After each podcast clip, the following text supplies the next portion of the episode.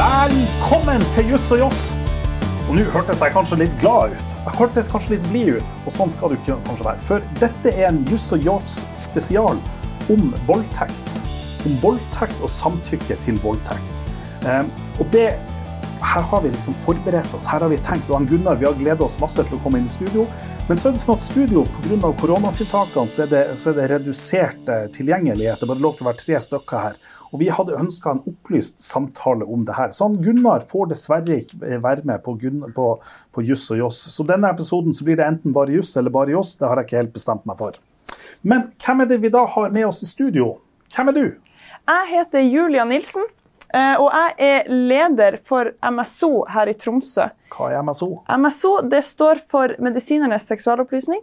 Eh, og består av medisinstudenter og tannlegestudenter her ved UiT som reiser rundt i hele Nord-Norge og har seksualundervisning for eh, ja, masse forskjellige grupper. Ja. Mm. Og så har vi en gjest til. Og hvem er du? Jeg heter Anette Osnes Fause. Jeg er advokat med en spesiell forkjærlighet for strafferett etter at jeg har undervist om det i bra mange år på universitetet som førsteamanuensis her.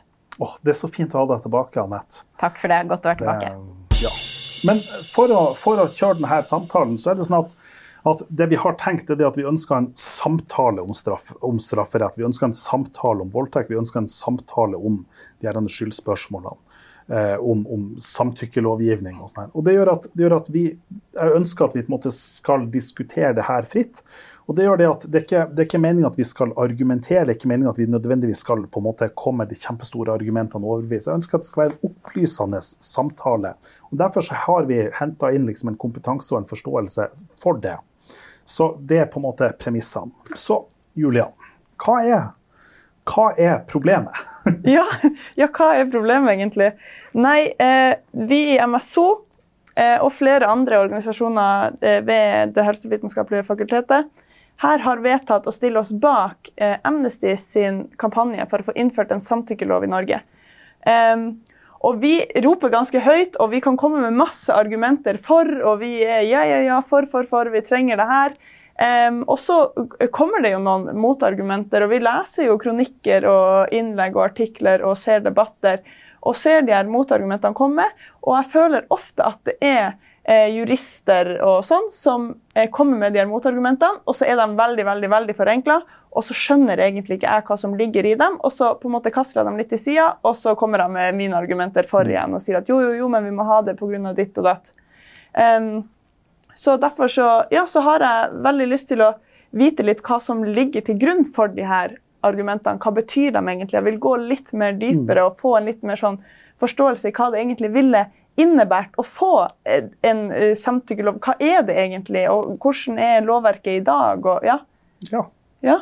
Da, da, har vi på en måte eh, temaet.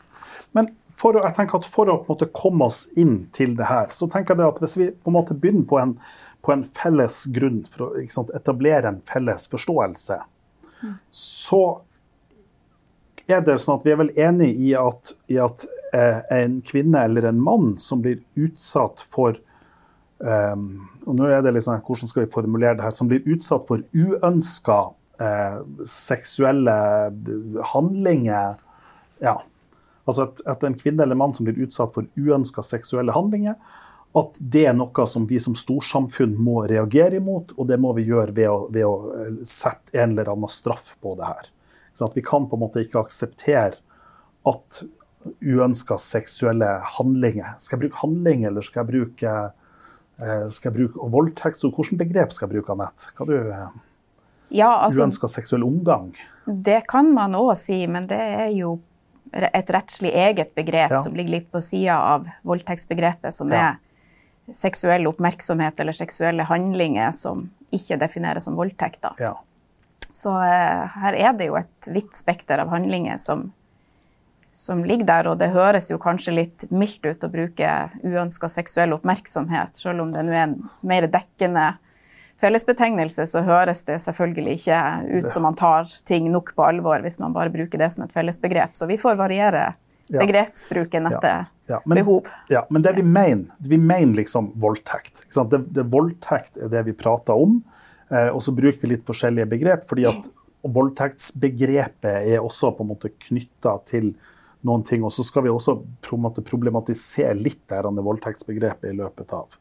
Men, men, jeg tenker utgangspunktet er at vi alle sammen er enig i at dette bør være altså uønska seksuell omgang skal straffes. Absolutt. Ja. ja. Det er vi helt enig i, og det har vi også internasjonale ja.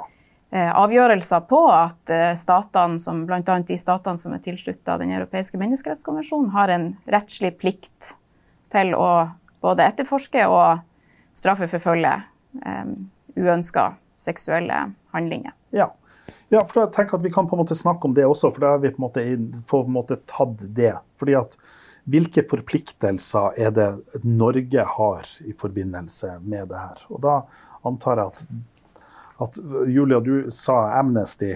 Og det er klart, mm. Amnesty det er jo en, er jo en, en organisasjon. Eh, men det er jo en type en privat organisasjon. Det er vel ikke en organisasjon som statene er tilslutta, tror jeg? Nei, det tror jeg ikke heller. Nei. Så hvilke andre typer organisasjoner er det vi har, Anette? Det internasjonale ja, man har jo beskyttelse mot det her både i det man kaller den konvensjonen som FN-konvensjonen man kaller for SP, altså konvensjonen om sosiale og politiske rettigheter, og den som ligger nærmest oss, som har en størst praktisk betydning, det er jo Den europeiske menneskerettskonvensjonen. Ja. Eh, og der er det en, en, dom mot Romania fra 2019, hvor Den europeiske menneskerettsdomstolen i Strasbourg slår fast at eh, det finnes en eh, konvensjonsfesta forpliktelse for medlemsstater til å da etterforske og eh, iretteføre straffbare handlinger. Så mangelen på å gjøre det, det kan rett og slett være et brudd på det her, den her forbudet mot uh, umenneskelig eller nedverdigende behandling ja. Eh, og retten til privatliv. Ja. Men, da, men da, snakker vi om Da sier du det at hvis det har skjedd en straffbar handling, så er det klart at da må staten etterforske og straffeforfølge, og staten må på en måte gjøre gjør ting til, for å på en måte få det på bordet. Men statens forpliktelse her det er å være en forpliktelse til en innsats og ikke til et resultat. Mm. Det betyr at når en, en, kvinne eller en mann sier at jeg er blitt utsatt for en, for en straffbar handling, så må staten iverksette en viss grad av etterforskningsressurser. Men de har ikke en forpliktelse til å alltid få en domfellelse. Men det skal likevel være en etterforskning som gjør at at det er en reell mulighet for å få avdekt det her. Altså at man på en måte sier at Hvis man bare setter i gang proforma-etterforskning, eller at etterforskninga ikke er god nok, eller så vil man på en måte bli domfelt på det her. Men hva er det de da er pliktige til å etterforske, for da sier du straffbar handling. Og Da har jeg funnet tak i en, en avgjørelse fra samme domstolen fra 2003. Og Den avgjørelsen fra 2003 den sier at, at, at det må regnes som en straffbart å ha altså, seksuell omgang uten samtykke. Det er en sak imot Bulgaria. Og så har jeg prøvd å måte, finne tak i nyere avgjørelser som støtter opp rundt det, og det har jeg ikke funnet noen som måte har vært tydelig på det. Sånn at du har et, en avgjørelse, men den er ganske gammel. Um, og så har vi på en måte ikke Jeg har ikke funnet noe nyere, men det kan godt hende at det fins. Uh, ja. Heng du, heng, Julia, du, du er jo ikke jurist. Nei, heng, eh, langt ifra. Henger du med på, på ja. Eh, samtalen ja. så langt? Så langt eh, henger jeg med. Ja. Men sånn jeg forstår det, da, er det at du sier at, at det skal være straffbart å ha sex uten samtykke. Og alle har en plikt til å forfølge Nei, et, hva, at staten har en plikt. Staten har en plikt til å Sa du, brukte du ordet forfølge? Ja. ja alle som har, eller, ja. ja. alle som har gjort en straffbar handling. Ja. Sånn at staten Norge har egentlig en plikt til å etterforske alle som har blitt, hatt sex med noen uten å ha fått et samtykke. Det er én og, og, og nå skal vi inn på ja, komple, gjøre dette mer mm. komplekst. Så, så hvorfor, hvorfor, blir det litt sånn unøyaktig med den, med den oppsummeringa, Anette? Ja. Eh, Nå er det jo sånn at eh, det er vanskelig å på en måte sette noen klare grenser for hvor langt den materielle forpliktelsen til å gjøre handlinger straffbar er. Vent litt. Vent litt. Nå har jeg fått beskjed om at jeg skal liksom være oversetteren. sånn at når du sier den materielle forpliktelsen, så skjønner ikke Julia hva det betyr. Ja. Sånn at Her må vi på en måte skille mellom den materielle og den prosessuelle forpliktelsen. Den prosessuelle forpliktelsen det er når noen sier at de er utsatt for en voldtekt, hvilke etterforskning politiet setter i gang med, og hva det er som skjer i domstolene. Det er på en måte den prosessuelle forpliktelsen. Altså Det dreier seg om, om å skaffe bevis. Mens den materielle, da later vi som at alt sammen er bevist. At du har to parter som sier dette var det som skjedde, det er vi helt enig i. Så er det et spørsmål hva skal være straffbart. Det er den materielle forpliktelsen. Da Ja. fortsetter vi. Og når det kommer til den diskusjonen om hva er det som skal være straffbart, eh, så har debatten blitt litt uklar for meg. Eh, Fordi at eh, det som du innleda med, Julia, så var det at, at man vil ha et, et, eh, et, et, en samtykkelovgivning, altså et krav om samtykke. Eh, Det er jo ikke den modellen de fleste stater som har innført denne samtykkelovgivninga, som den såkalt kalles, da, de har jo stort sett valgt en eh, modell som går på fravær av frivillighet. Og rettslig sett er det ganske stor forskjell på de to tilnærmingene. Hvorfor er det en forskjell? Eh, hvis du går for den modellen som, hvor du skal kreve et positivt samtykke, så er det det samme som å si at all sex er straffbart, med mindre du har dokumentasjon på at det var frivillig. Og det er klart at da kriminaliserer du all eh, seksuell aktivitet, også den som på en måte er ønska og ellers på en måte mer sånn implisitt ønska, da, og den, den som bare skjer i magien mellom mennesker. Eh, mens når du heller da velger en lovgivning som sier at det er straffbart hvis det var mangel på frivillighet, så er det en nyanseforskjell. For eh, da er det sånn at man kan tenke seg at også passivitetstilfellene, som jo er de som egentlig er problematiske i denne debatten, da, eh, de er også lovlige, med mindre at det er holdepunkter for å påpeke at her var mangel på frivillighet. Så rettslig sett er det ganske stor forskjell på de to tilnærmingene. Men jeg tenker at la oss, la oss bare sånn, la oss snakke om selve på en måte voldtektshandlinga. Sånn, hva er det vi snakker om når vi, når vi altså, sier voldtekt, eller hva er det vi på en måte mener med det? Fordi at du sier de passivitetstilfellene. Fordi at, fordi at det, er, det er ikke noen som er på en måte uenig i at dersom noen bruker vold eller trusler eller altså hopper fram fra en busk eh, og sliter noen ned i bakken, og så gjennomfører en voldtekt. Det er på en måte ikke det som er problemet. Og så er det heller ikke noen som ønsker å, å gjøre straffbart der, der to personer eh, har samtykkende sex sammen. Men så er det på en måte alle de mellom, mellomfasene her. Så blir det spørsmål hvor er det man på en måte skal sette streken. Altså hvor er det man på en måte skal dra linja.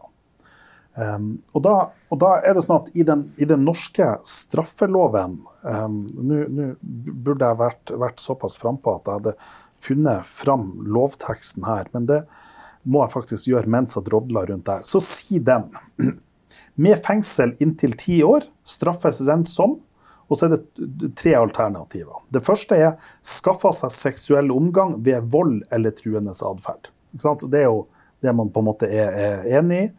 Um, uproblematisk. Og så kommer det har seksuell omgang med noen som er bevisstløs, eller av andre grunner er ute av stand til å motsette seg handlingen. Altså bevisstløs eller ikke i stand til å motsette seg handlinga. Det kan f.eks. være pga. en rus, russituasjon, eller at man på en måte tilnærmer uteavstand. Men det kan også være pga. en fryktsituasjon. Mm. Det kan være, altså det kan være på en måte mange grunner til at man på en måte ikke er i stand til å motsette seg handlinger. Men så har vi da ved vold, eller, og den tredje, ved vold eller truende atferd får noen andre til å ha sexomgang med en annen. Sånn at, og denne, vi holder på en måte den utafor her. Sånn at, sånn at, problemet er da eller av andre grunner er i stand til å motsette seg handlinger. Det er det, vi på en måte, det er det som i dag er, er straffbart. Men så er det jo sånn at hvis vi da tar for oss de her grense, grensetilfellene, så, så hva er Julia? hva er det et tilfelle? Kan du på en måte beskrive tilfellet tilfelle som du tenker ikke rammes her? Som vil være problematisk her?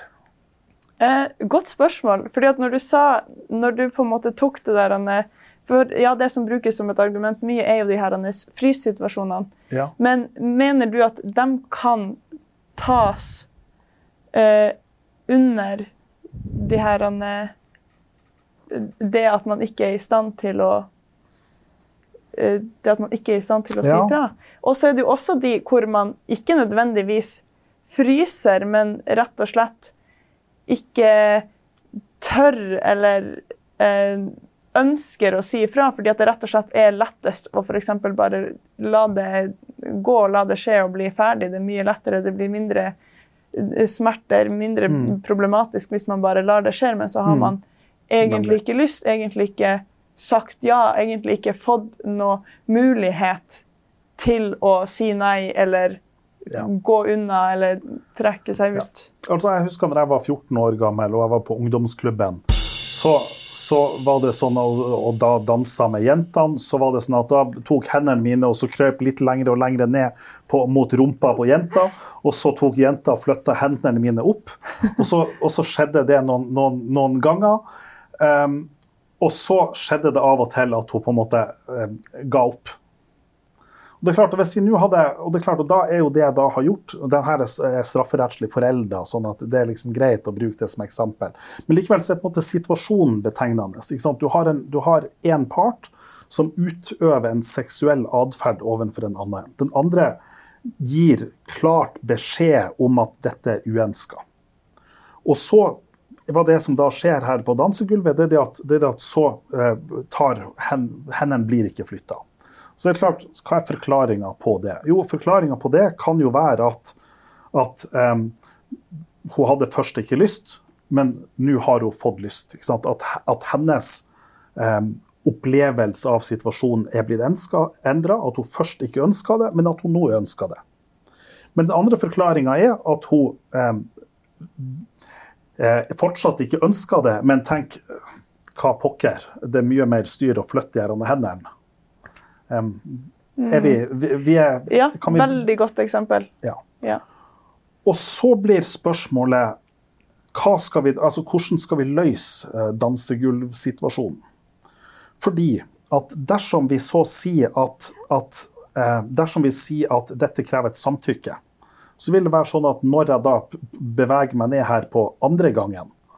Første gangen så markerer hun da at dette er uønska, når jeg da gjør det på nytt igjen, så er det klart at da har jeg ikke hennes samtykke. Eller kanskje til og med når jeg gjør det første gangen. At jeg står på dansegulvet og jeg på en måte beveger meg over i dansen, hvor den på en måte går ifra går over til å bli intim, hvor den på en måte går over noen grenser. Så er det sånn at skal jeg da på en måte Altså på hvilket tidspunkt skal jeg stoppe og kreve et samtykke? På hvilket tidspunkt skal det på en måte gjøres? Um, og hvordan kan vi vite om dette er situasjon én, at hun ikke ville det i stad, og nå vil hun det? Eller at hun har gitt opp? Dette er vanskelig. Det var vanskelig for meg som 14 år gammel gutt å vite det.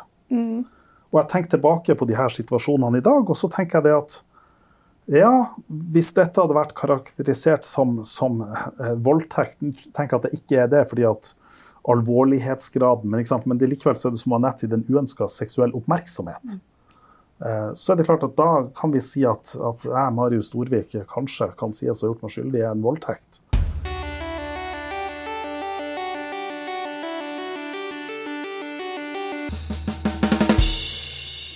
Men eh, da kan jeg jo på en måte løse problemet deres med å si at vi har en bestemmelse som rammer det her eh, i norsk straffelov Ja. i dag. Eh, og det her er jo en seksuell handling Ja. eh, uten, mot noen som ikke har samtykka til det. Ja. Eh, og da er det jo straffbart som seksuell handling og ikke som voldtekt. Ja. Og da er jo forskjellen i praksis er jo at strafferammen er meget mye lavere enn Ja. det er for voldtekt, selvfølgelig. Ja, men du vil si at denne handlinga som jeg da beskriver, altså dansegulvsituasjonen, at den rammes i dag av straffelovgivninga? Ja. Paragraf 297 i straffeloven. Um, la meg, la kan vi ta 297, for da er vi det her, Dette har jeg ikke tenkt på. Seksuell handling uten samtykke. Med bot eller fengsel inntil ett år straffes den som foretar en seksuell handling med noen som ikke har samtykket i det. Men da har jeg et spørsmål. Fordi at Tidligere så sa jo du at det at man må ha et samtykke eh, Det som er problematisk med en lov som sier at man må ha et samtykke for at det ikke skal være voldtekt, da eh, må man ha et skriftlig samtykke. Måtte Marius hatt et skriftlig samtykke for å få ta, for å få tatt dem på rumpa? Ikke skriftlig samtykke, men at du på en eller annen måte må dokumentere at, Ja, du, at du har fått det samtykket. da. Eh, Gjelder det på 297 også? Ja. Det gjelder jo der at her må du på en måte Det, det du skal bevise, eller det som påtalemyndigheten må bevise da, det er jo at den fornærmede her ikke hadde samtykka. Det må man. Eh, og det er jo en litt annen øvelse når det er snakk om ei seksuell handling, altså det å ta på private deler av kroppen, f.eks., som er en typisk seksuell handling, så vil jo det være en litt annen øvelse enn å på en måte føre bevis for det samme når det gjelder voldtekt, Ja. som er litt mer komplisert menneskelig samhandling. da. Ja.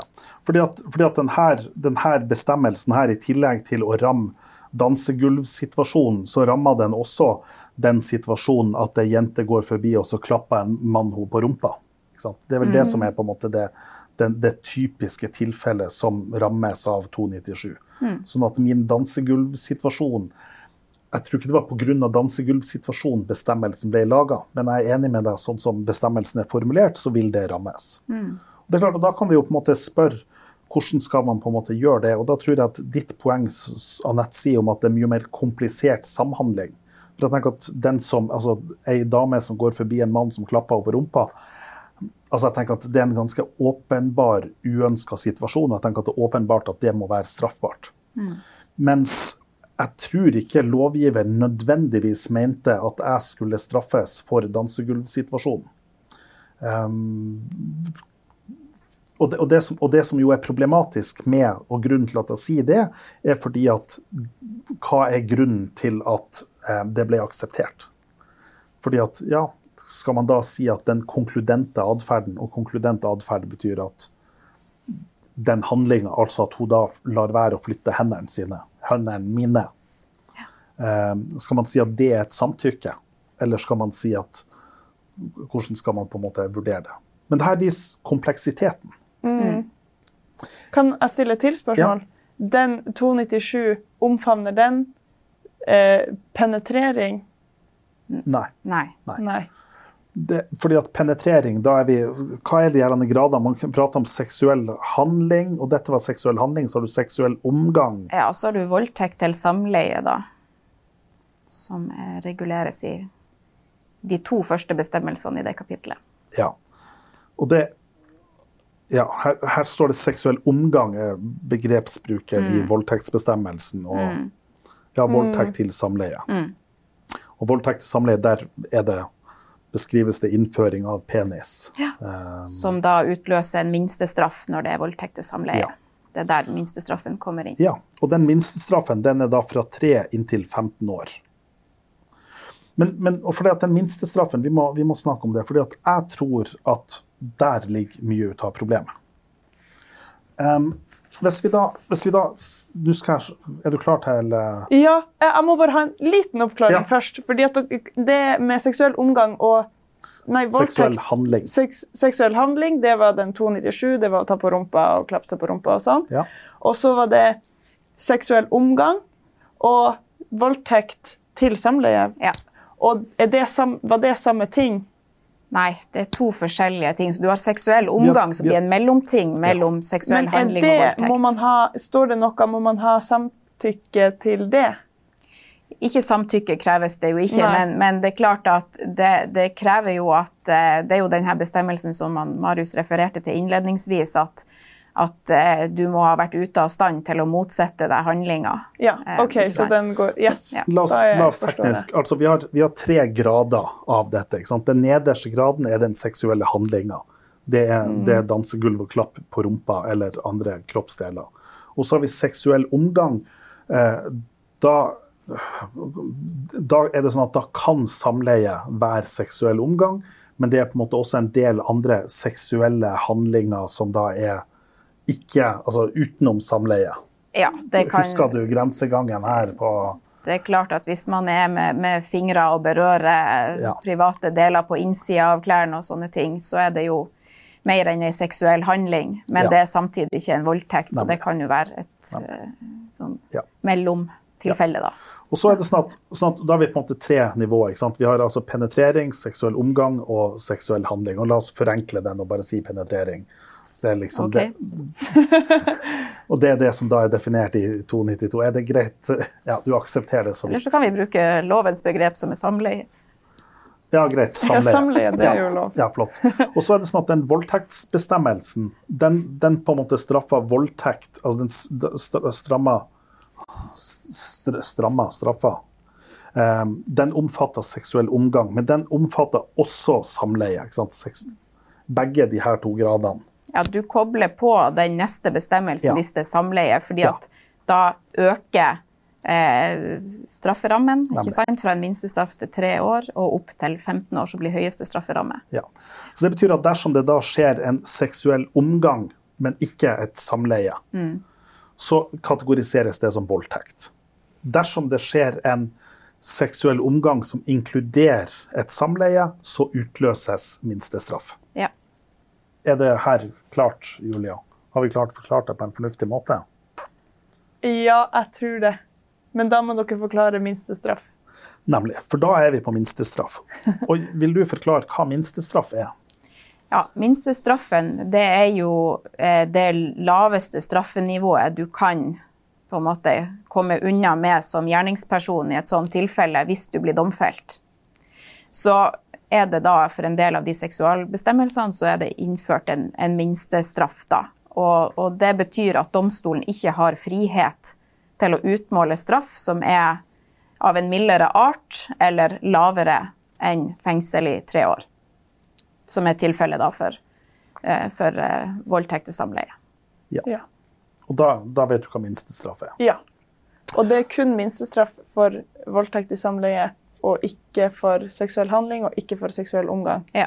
Yes. Riktig. Riktig. Da er jeg med. Ja, og det betyr Det betyr Og, og, og nå skal jeg prøve å, å Det betyr at hvis vi da tar eh, tilfellene, så er det sånn at det som da er voldtekt til samleie, for å illustrere hva det er for noe, så er det sånn at den bestemmelsen omfattes av overfallsvoldtekten.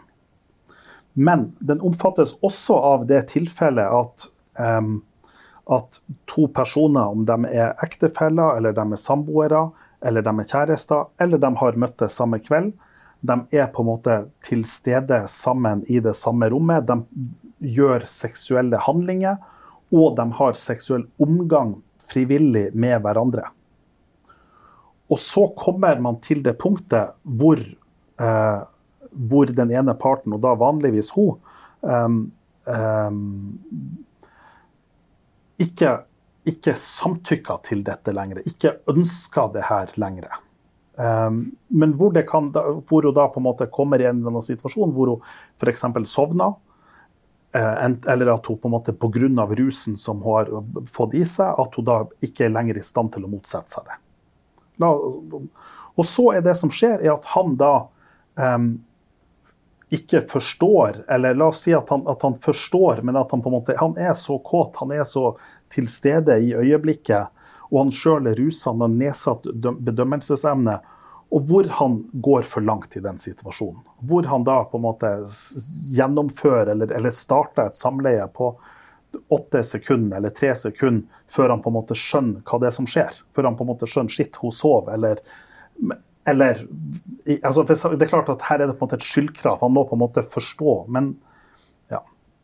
Da er poenget at hvis han da stopper derifra og sier shit, jeg, dette ble feil, du, du sov faktisk, og jeg beklager det veldig. Og hun sier jeg, jeg er krenka for det, naturlig nok.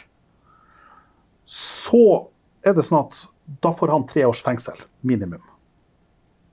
Det er det på en måte minstestraffen betyr. Sånn at, altså, det jeg har prøvd å gjort nå, det er at jeg har prøvd å ta en, noe som er, re- defineres som voldtekt med samleie, eh, og jeg prøvde å gjøre det tilfellet så mildt som mulig.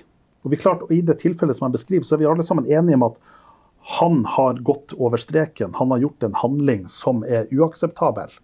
Eh, han har gjort noe han ikke skulle, og vi er alle sammen enige i at, i at det må straffes. Problemet her er at jeg mener ikke at det fortjener tre år i fengsel. Problemet her er at, at, hvis vi da sammenligner med hvilke andre ting er det som på en måte gir tre år i fengsel, så er det sånn at Annette, Anette, du er strafferettsekspert. Har du noen andre ting som vil i praksis gi tre år i fengsel? Ja, det er ganske ganske grove forbrytelser altså, for å komme opp i en ja. Eh, straff på rundt tre års fengsel. Men alt det her er jo en konkret utmåling, så, så på, på, strafferammenivå er det jo litt vanskelig å, ja. å angi det. Men, uh, men, men hvis, hvis, man på en måte begår en, en grov legemsbeskadigelse, hvis man er, er litt uheldig og skjærer av noen en arm, liksom. Ja, da vil jeg tro at du, vi snakker samme taksering, kanskje. Ja, samme taksering. Ja. Um, hvis, man, hvis man slår noen, hvis man utøver en voldshandling, så hva det da 60 dager i fengsel eller noe sånt for en Det havner fort i det sjiktet der, ja. og sjøl ganske ja, ganske langvarige tilfeller av eh, vold i nære relasjoner kan ende opp på mellom et, et år, to, to år. Eh, så her er det er ganske streng straff, ja. en minstestraff på tre år, altså. Um, det, um... og, det som, og, det som, jo har skjedd her, det er jo det at, det jo det at måte, altså fokus har, altså voldtekt har på en måte blitt satt i fokus. Og det har på en måte blitt problematisert gjennom media, gjennom ulike altså, Det på en måte har blitt løfta opp. Og så har på en måte politikerne reagert på det, og politikerne har sagt at dette må straffes hardere, vi kan ikke akseptere det. Og så er det man da gjør, det at man da lager til en, en Sett opp minstestraffen. Politikerne har på en måte reagert på at de syns at her er domstolene for soft, vi må vise oss som hard. Og så ender man da opp med den situasjonen at det da er den treårsvurderinga. Og det som da og Da er vi på det første problemet. For at minstestraffen, og da er problemet, det som da sies, er at altså det som på en måte blir antatt fra advokater og fra andre, men som er vanskelig å bevise, det er at den juryen, de som sitter og vurderer det her, eller lagretten, de som sitter og vurderer det her, de tenker at vet du hva, jeg, jeg kunne ha gjort det der. Mm. Um, hvis jeg sier at denne personen er skyldig, så blir han dømt til tre års fengsel. Det er en kjempehard straff. Um, og jeg mener ikke at dette er så ille at han får tre års fengsel. Og dermed så sier man da at han er uskyldig. For å unngå den treårsstraffen. Det er en sånn dynamikk som man mener er der, men som er vanskelig å bevise. Fordi at de som sitter i de her situasjonene og vurderer det, de skal jo si skyldig eller ikke skyldig, og så skal de deretter gå inn og vurdere eh, en, en strafferamme. Og da er vi inne på et sånn rettssosiologisk spørsmål på, på hva er Du har en uønska atferd. Voldtekt er en uønska atferd. Hvordan er det vi skal på en måte ramme det? Og det man da har gjort, er at man da har gitt høye straffer, som gjør at i de tilfellene hvor man blir dømt, så er det noen som går lenge i fengsel. Men så er kanskje effekten at det er vanskeligere å pådømme noen. Mm. Mm. Og jeg tenker at det er mye viktigere jeg tenker at det er mye viktigere at de som har blitt utsatt for en voldtekt, at de kan få lov til å få en dom for det og si at den krenkelsen du har blitt utsatt for, det er ikke greit. Og vi som samfunn vi anerkjenner det, og vi gir smekk på fingrene til dem som har gjort det. At det er viktigere enn at de absolutt skal sitte så lenge i fengsel. For Det som er viktig her, det er jo at i straffesaker så er det alltid lekfolk som er i flertall, altså ikke jurister. Det er ikke dommerne som har det ledende ordet på skyldspørsmålet om man er skyldig eller ikke, det er det jo alltid meddommerne som er i flertall i straffesaker, da. Eh, og, og da, det, da har det fra mange hold vært løfta fram det her dilemmaet som Marius peker på, at når det kommer da en helt ung person som har blitt anklaga for å være seksualforbryter, eh, ung, usikker, har fremtida foran seg, kanskje nettopp begynt på ei utdanning, har familie, venner og ellers fungerer godt i samfunnet. Men det var denne festen hvor man havna på det rommet. Og her har ikke signalene gått tydelig nok mellom partene. Og denne personen har gått lenger enn det som man ideelt sett skulle ha gjort. Og så vet da alle som er til stede i den salen, at svarer man ja på det skyldspørsmålet, så er det tre år i fengsel på denne personen. Det er, det er, et problem som eh, Eller om det er et problem, det må i hvert fall diskuteres hvorvidt det er et problem. Men at det er noen mekanismer der, det kan vi ikke se bort ifra. Hva du tenker om det her, Julia? Jeg syns jo absolutt at eh, det høres problematisk ut, ja. At, eh, at det er sånn. Og jeg syns også det Ja, det høres jo ut som at det er litt av av problemet at den der minstestraffen er sånn som det er. Eh, men, men, det gjør jo også at, at, Ja, at det på en måte ikke sender ut eh, Ja, jeg syns det er vanskelig, fordi at jeg eh, hører jo hva dere sier, og jeg eh, er veldig enig i det, men samtidig så, så eh, Ja, det skulle egentlig vært For er det ingen mellomting? Ja, Takk. I Danmark, man, I Danmark så hadde man tidligere en ordning hvor man skilte mellom, mellom voldtekt og ikke allmennfarlig voldtekt. Og det, er klart, og det er klart, og da er det sånn at en voldtekt, da snakker man da om denne, denne over, overfallsvoldtekten. Og så sier man da at det ikke er allmennfarlig voldtekt er der hvor man på en måte ikke tenker at denne voldtektsmannen er farlig for alle kvinner som beveger seg rundt omkring. Altså at kvinner generelt sett kan bevege seg trygt rundt omkring, men de er farlige for denne kvinna. Og så skiller man på en måte mellom dem. Eh, og det tenker jeg at kan være en fornuftig måte å gjøre det på. For da kan man på en måte, altså Ved å skille det opp, så kan man på en måte differensiere det. Mm. Men, men, så er det klart at problemet med en sånn, med en sånn differensiering det er at da får du et enda større fokus på kvinnens atferd i situasjonen. Fordi Det er jo en del av de her problemet i denne voldtektssakene. Det at, det at, for det første, den ikke allmennfarlige voldtekten som man prater om i Danmark, så er det sånn at ja, hva er det man da gjør? Ok, da er det ikke farlig å gå på natta. Men, men da ødelegger du den grunnleggende tilliten.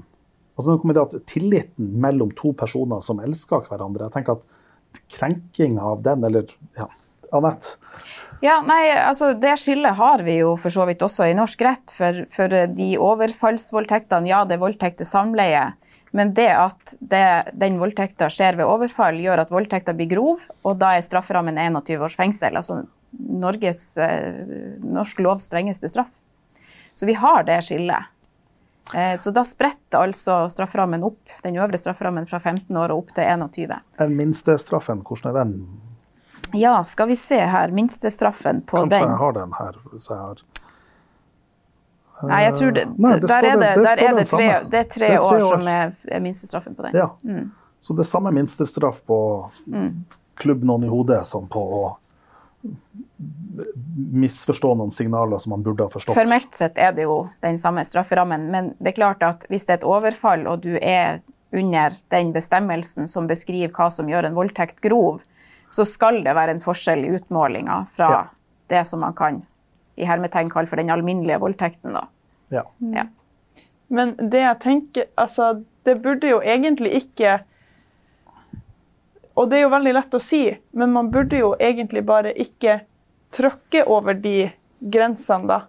Og jeg tror det er litt det eh, vi som er for det her, ønsker, og det er den der tydelige grensa om hva som er greit, og hva som ikke er mm. greit. Og, og, ja, sånn Veldig lett for meg i edru tilstand å sitte her nå og si at det burde ikke være så vanskelig egentlig å bare vite at hvis ikke du får et samtykke, hvis denne personen er bevisstløs eller sover eller et eller annet, så gjør man ingenting.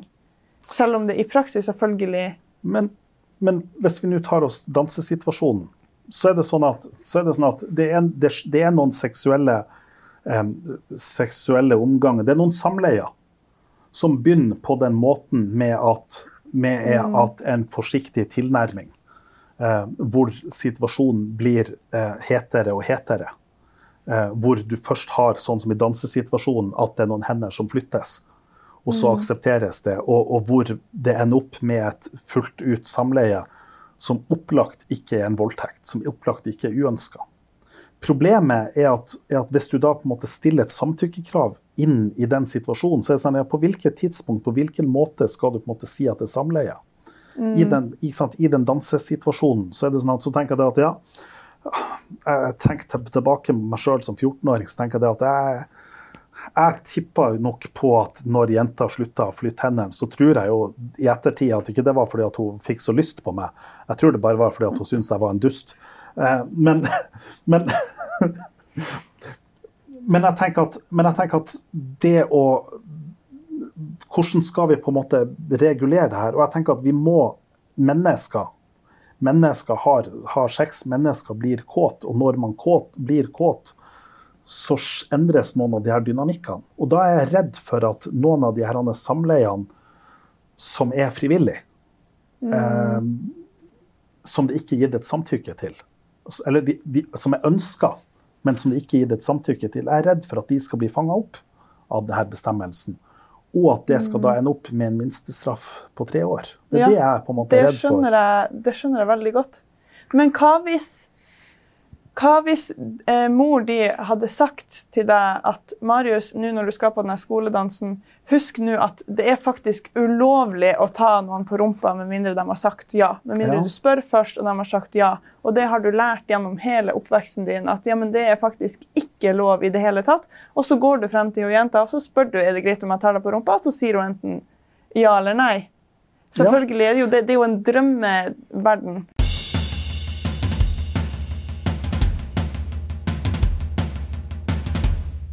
Ja, og det er klart at dersom, dersom, hun sier det, så vil det være sånn at, at um, Så vil hun da si nei, og så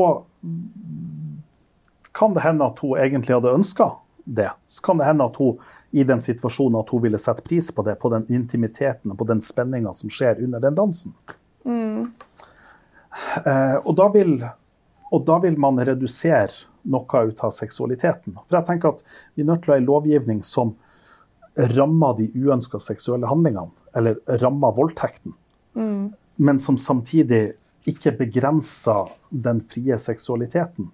Og så er problemet at den frie seksualiteten er den flyter. Det er på en måte noen, noen grenseganger, det er noe som skjer med mennesker, og det er en dynamikk der som er vanskelig å forutse. Ja. ja. Men, en ting som på en måte er sentralt, altså grunnen til at man på en måte tar opp dette med, med samtykkelovgivning fordi at Problemet er jo med bedømminga av voldtekt. Så problemet er jo, er jo, altså det store problemet er at når ei jente eh, har blitt utsatt for en voldtekt, så politianmelder hun det. Og så er det hva det er, 20% nei, altså av de som politianmeldes. Så hvor mange er det som ender opp til dom? Eh, husker du det? Du, vet du det? Nei. Nei da, der, der, har vært stygge tall, og det har variert litt over tida. Men så er det jo viktig å huske på at det er ikke alle hendelser som rapporteres som, til politiet som faktisk er en voldtekt i rettslig forstand.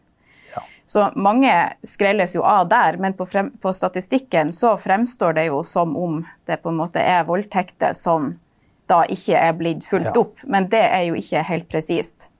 Eh, og så er det jo sånn at, også at det er jo domstolen som tar stilling til hva de nærmere grensen, de rettslige grensene for en voldtekt er.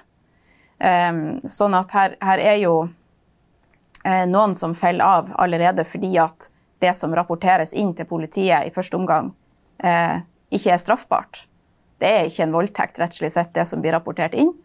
Og så har du noen da som skrelles av eh, i, i påtaleomgangen, altså under påtalevurderinga. Og, rett og, slett, og da er det jo ofte at man ikke har eh, bevis, som jo krever strafferettslig for at det kan føre frem. Og så er det jo da noen som eh, ender med frifinnelse i domstolen fordi at domstolen eh, enten mener at det ikke er straffbart, eller at det ikke er ført tilstrekkelig med bevis eh, for at det var, har mm. skjedd noe straffbart. Så her er jo flere mm. terskler. Ja, det er flere grunner til det. Jeg, jeg, bare, jeg bare, kom på Jens Bjørneboe-eksempelet. Um, Jens Bjørneboe eh, han ble i 1936, eller, altså han ble dømt for en voldtekt i 1936. Og det som skjedde da, det var det at han var en, en ungdom, og så hadde han en kamerat som hadde en kjæreste. Uh, og han var jo ordentlig misunnelig på kameraten som fikk lov til å ha sex. Um, så det, han, det, de da gjorde, det var det, at, det var det at kameraten begynte så å ha sex, altså kledde seg og dama naken, og begynte å ha sex med henne, og så måtte han ut på do.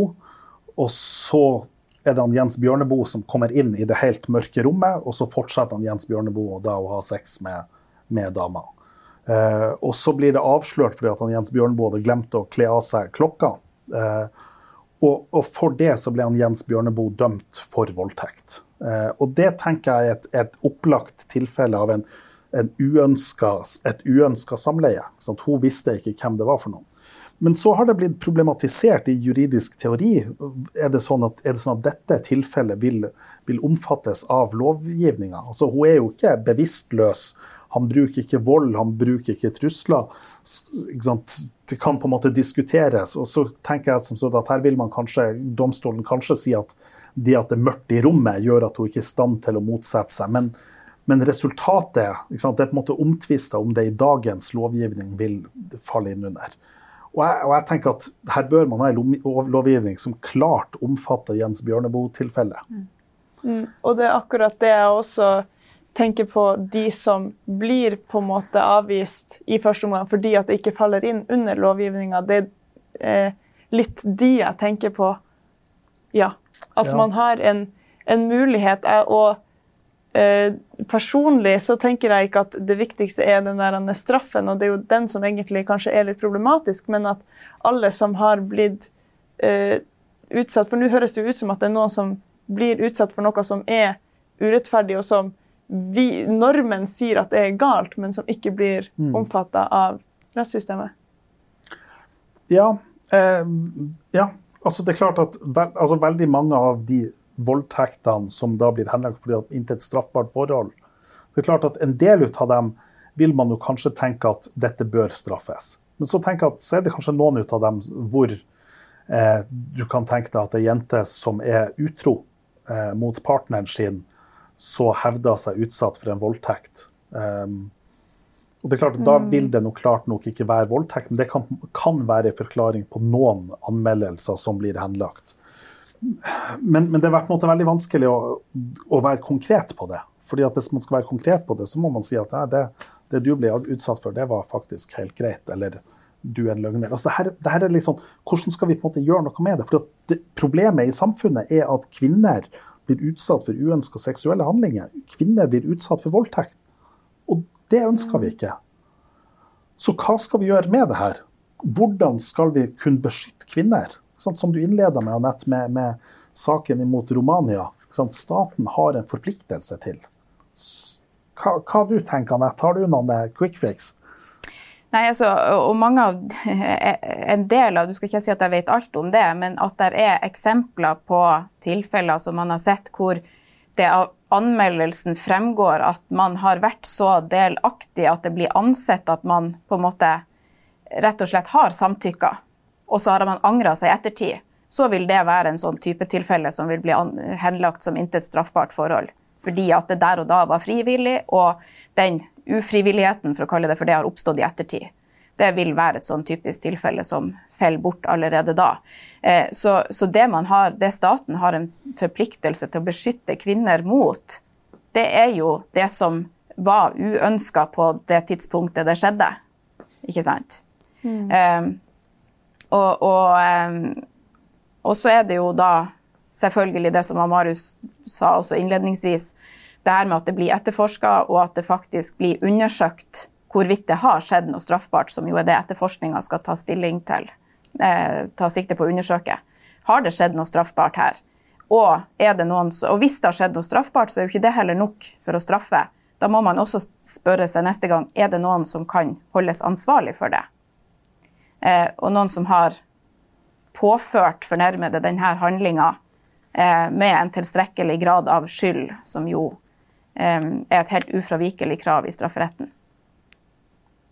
Sånn at eh, det at noe straffbart har skjedd, er bare på en måte det første steget inn til straffansvar. Da. Mm. Eh, så videre må man jo vurdere da hva, hva var denne gjerningspersonen klar over? Hva lå i hans eller hennes bevissthet i, på handlingstidspunktet? Ja, for hva er det du mener med skyld? Ja. Er det det at man er bevisst Ja, Ja. er bevisst at Ja. det, det, det ligger jo noen krav der til eh, altså det her som vi kaller for kravet om forsett. Eh, som jo innebærer et krav om at gjerningspersonen har hatt en bevissthet om i dette tilfellet at han påførte en seksuell handling til noen som ikke eh, ønska det. Man kan- si at du har, du har tre grader av, av skyld sant, i straffesystemet. Du har, du har uaktsomhet, du har grov uaktsomhet, og du har forsett.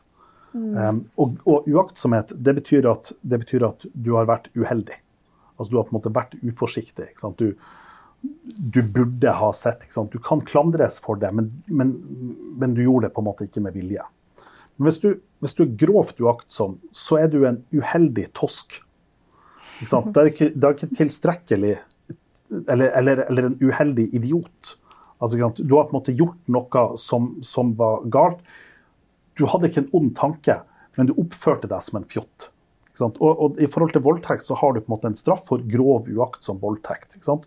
Du har en fyr, han mener ikke å voldta. Han mener, altså han mener ikke å krenke henne. Men han oppfører seg som han er, han er liksom uheldig med at hun sovna, eller han er uheldig med et eller annet. Men i tillegg til at han er uheldig, så oppfører han seg også som en idiot. Sant? Og det vil, er på en måte den grovt uaktsomme. Ja. Og så har du da fortsett, og det betyr at han eh, i, i ytterste konsekvens er det man da kan kalle en ond jævel. Sånn at du har Ja. Ja, det er liksom de tre, de tre, de tre på en måte kategoriene her. Og Det som jo er på en måte litt ut av problemstillinga her, det er der han er den nedre grad for ond jævel. Det høres litt sånn ekstremt ut, men, men den nederste graden av dolus eventualis, hvordan er det den formulert, et eller annet med det at du, du utøver handlinger, og hvis det skulle vise seg at det var rammes av straffebudet, så vil du likevel gjennomføre det. Sant? At man på en måte ligger der, at man er så kåt og tenker at ja, vet du hva, nå er jeg så kåt at nå So be it. Da har du, da har du forsett. ja. Er det, da er du, da er du liksom på den nedre graden av forsett. Er det ja, hvis du har innsett at det her muligens eh, er, en, er over grensa for en, en voldtekt, men du velger å handle selv om det skulle vise seg i ettertid at det var en voldtekt, da har du også opptrådt forsettlig. Ja. Må man, Er det krav om at man skal ha opptrådt forsettlig for å bli straffa for voldtekt? Det er hovedregelen, ja. Eh, For straffeloven rammes som hovedregel, eh, rammes som hovedregel bare forsettlige eh, lovovertredelser. Men når det gjelder voldtekt, så har vi en spesialbestemmelse som gjør at voldtekt også er straffbart i sin uaktsomme form. Og det betyr jo da når gjerningspersonen burde ha skjønt at det her i realiteten var en voldtekt. Ja. Og han kan klandres for at han ikke skjønte det. For det var holdepunkter der for å skjønne at det her ikke var, eh, var, var rettmessig. Da. Nå er det sånn at vi har, vi, vi har, vi har prata sammen i, i 50 minutter, eh, og vi skal på en måte begynne å, begynne å få avslutta det her. Eh, vi, dere skal på en måte begge to få ordet til slutt, eh, sånn at dere på en måte får muligheten til å tenke dere om. Eh, for det vi på en måte har snakka om, vi har snakka om, om voldtekt, vi har snakka om uønska seksuelle handlinger, vi har snakka om samtykke. Og problemstillingene er hvordan kan vi på en måte gjøre noe med det her. Én måte å gjøre noe på er det her er å på en måte endre på samtykkelovgivninga. Og jeg tenker at for min del tenker jeg at her er det ikke noe quick fix. Jeg tenker at her bør man på en måte gjøre flere ulike tiltak, og man bør eh, tenke gjennom noen fornuftige måter å gjøre det på. Og jeg tenker at dagens lovgivning kanskje ikke er optimal. Men eh, Anette, ditt siste ord. Ja, eh, hvor man skal begynne. Eh, nei da, man kan jo selvfølgelig eh, Man kunne alltid ha ønska seg mer presis eh, lovgivning, og det skrev jeg også en kronikk i Dagbladet om for noen eh, få år siden. Eh, akkurat om den her eh, bevisstløse eller på annen måte ute av stand til å motsette seg handlinga, og at jeg tenker at den, det er absolutt rom for å presisere den. Eh, når det er sagt, og, og alle er enig i at eh, de her tingene her må man tenke godt igjennom, så er det jo også sånn at det ligger til en av, altså det er en av kjerneoppgavene i en rettsstat at man skal balansere rettigheter i den grad at eh, borgerne sine rettigheter kolliderer med hverandre. Eh, og på den ene sida så er det jo sånn at staten her har et ansvar for å ivareta den som, som er fornærma for ei, seksuell handling som man ikke ønsker. Eh, og samtidig så er det jo sånn at den som blir anklaga for å ha vært den som har utsatt fornærmede for dette, har jo også en del eh, rettigheter i den forbindelse som det er i vår alles interesse at, eh, at vi ivaretar. Det er jo retten til å bli holdt for uskyldig inntil det motsatte bevisst. Det er jo en ekstremt viktig rettsstatlig verdi. Eh, og så er det jo da retten til å forsvare seg, selvfølgelig.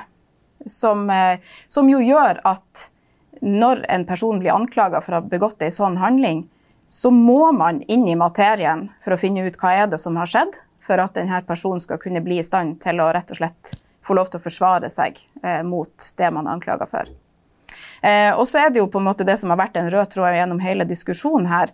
Og det er jo denne menneskerettslige retten som, som vi alle har, men også den som er anklaga for en sånn straffbar handling. At du skal ha klare straffebud å forholde deg til. Og Derfor er det et problem i seg sjøl når straffebud får en flytende grense. Eh, fordi at da virker de heller ikke etter sin hensikt. Eh, for, for, det er jo et grunnleggende mål med straffelovgivning at folk skal innrette seg etter den. Mm. Og for at folk skal kunne gjøre det, så må det være klart hva er det som er straffbart. Eh, sånn at hvis vi fraviker de prinsippene der, så er det, jeg er veldig redd for at man eh, begynner å bekke over og, og begynner å ligne på, på, rettssystemer som vi helst eh, liker å komme med, med, uheldige eksempler fra.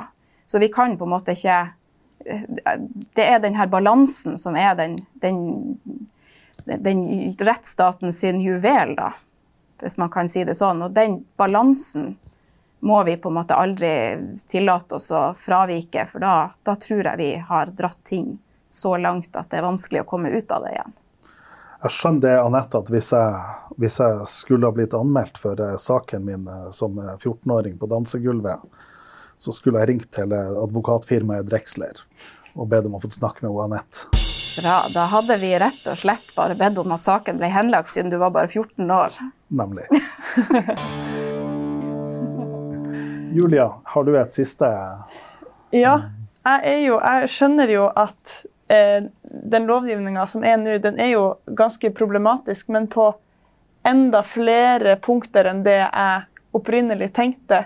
Eh, og eh, rett og slett fordi at eh, det er deler som jeg syns burde ha vært omfavna av eh, denne loven ja, eller hva den heter, eh, som ikke er det. Men så ser jeg også at det er problematisk at det blir det, fordi at straffen automatisk blir såpass høy som tre år, og at man egentlig må jeg skulle ønske at jeg, jeg, har lyst til å bare sitte med Photoshop og bare gjøre noen små justeringer, og så kan man bare fikse litt, litt på det, så det høres ut som at det hadde blitt mye enklere. Men jeg skjønner at det er jo ikke så lett som jeg ser det for meg. Og så må man jo ha med seg politikerne på det her. Ja, ikke sant. For det at Man må ha en, en opplyst debatt, og da trenger man en, en, opplyst debatt. Man trenger ikke politikere som på en måte jager etter stemmer fordi at, fordi at mm. skal vise seg effektiv og virkekraftig, når det da kan være kontraproduktivt. Mm. Det, ja. Men da tror jeg vi sier takk for oss. Takk for at dere hørte på Juss og Joss. Ja. Takk for at vi kom. Ja, tusen takk.